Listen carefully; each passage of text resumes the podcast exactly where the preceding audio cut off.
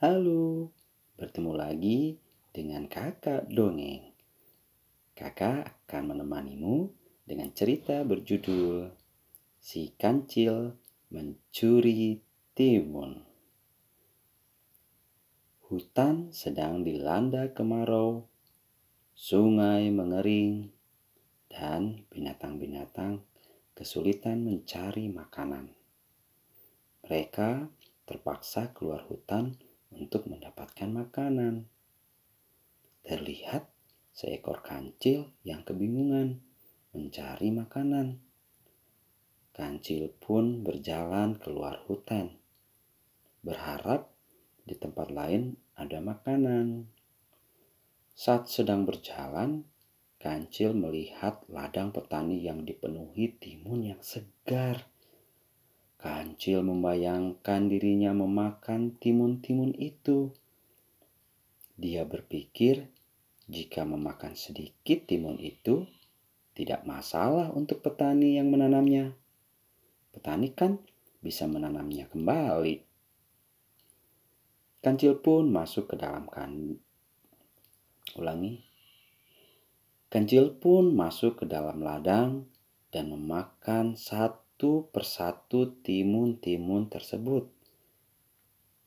Perutnya kenyang, lalu kancil pulang dengan hati senang.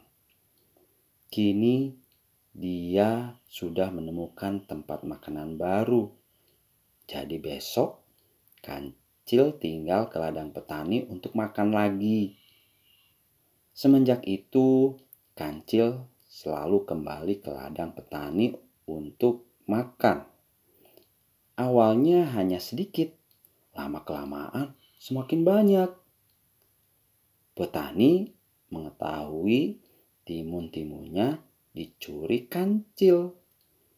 Lalu petani menemukan ide untuk menjebak pencuri yang memakan timun-timunnya. Petani mengambil bajunya yang sudah tidak dipakai, topi petani, dan kelapa. Lalu ia menyatukan semua itu, membentuknya menjadi orang-orangan sawah. Kemudian ia meletakkannya di ladang timun. Esok harinya, Kancil kembali ke ladang petani untuk makan timun-timun itu. Tapi Kancil terkejut. Kancil melihat ada orang yang menjaga ladang tersebut.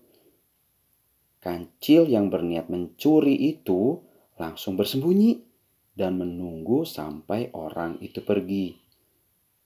Waktu demi waktu berlalu. Tidak terasa, sudah cukup lama Kancil menunggu orang itu pergi. Tapi orang itu tetap berdiri di sana.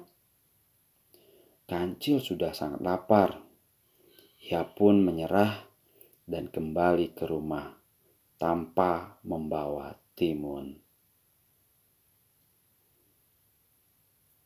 Dongengnya selesai. Selamat bobo.